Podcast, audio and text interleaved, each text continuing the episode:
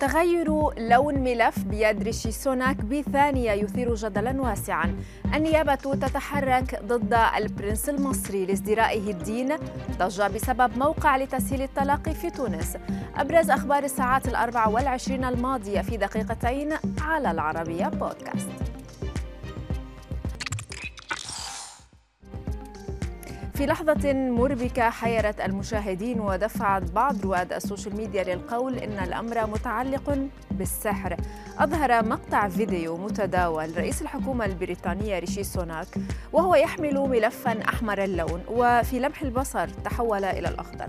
تقارير أفادت بأن الفيديو تم تصويره منذ نحو عامين أثناء خروج سوناك من مقر الحكومة. فيما قال كثيرون إن النظرية الأكثر ترجيحا لتغير اللون فجأة له علاقة بفلتر كاميرا التصوير.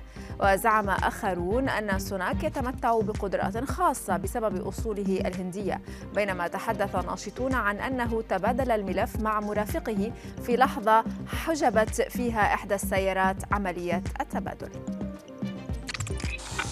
بعدما تضمنت ازدراء للدين أمر النائب العام في مصر باتخاذ إجراءات التحقيق العاجلة في المنشورات المتداولة بمواقع التواصل الاجتماعي والمنسوبة لمن يدعى البرنس المصري.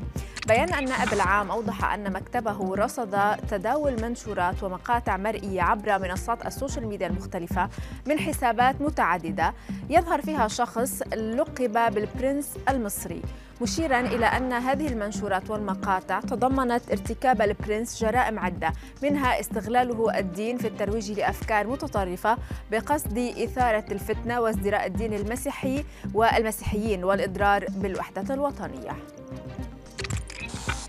في تونس وتحديدا العاصمة أثار ظهور لافتات كبيرة في الشوارع. كتب عليها الطلاق القرار قرارك وإحنا علينا الإجراءات. أثار ضجة واسعة على مواقع التواصل. تقارير أفادت بأن اللافتة أرفقت بعنوان على الإنترنت للتعريف بموقع إلكتروني جديد مخصص للطلاق مشيرة إلى أن بلدية العاصمة طلبت من المنصة سحب اللافتات أو ستتم إزالتها خلال أسبوعين. وفيما رأت رئيسة البلدية أن هذا الإعلان غير نزيه قال المسؤولون عن الموقع إنه آه، ذات هدف توعوي توعوي للشباب وتأمين خدمة آمنة اقتصادية في حالة قرار الانفصال. لكن آه، عمادة المحامين اعتبرت أن هذا الأمر يهدد الأسر. إلى أمريكا هذه المرة حيث لقي أربعة مراهقين حتفهم في مدينة بوفالو بنيويورك نتيجة حادث سيارة كانوا قد سرقوها مؤخرا. فيما تعتقد السلطات بأن الحادث قد يكون مرتبط بتحدي جديد على تيك توك. تقارير أفادت بأن التحدي الخطير الذي يسمى بتحدي كيا يقوم على مشاركة فيديوهات لخطوات عن كيفية سرقة سيارة باستخدام سلك شحن USB فقط ومفك للبراغي فيما أشارت شرطة فلوريدا إلى أن أكثر من 30% من سرقة السيارات في الولاية مرتبطة بهذا التحدي منذ منتصف يوليو الماضي. وفي خبرنا الأخير أبلغ رجل الأعمال الأمريكي إلون ماسك مصرفيين يساعدون في تمويل صفقة شرائه لموقع تويتر. أبلغهم بنيته تنفيذ عملية الاستحواذ يوم الجمعة المقبل.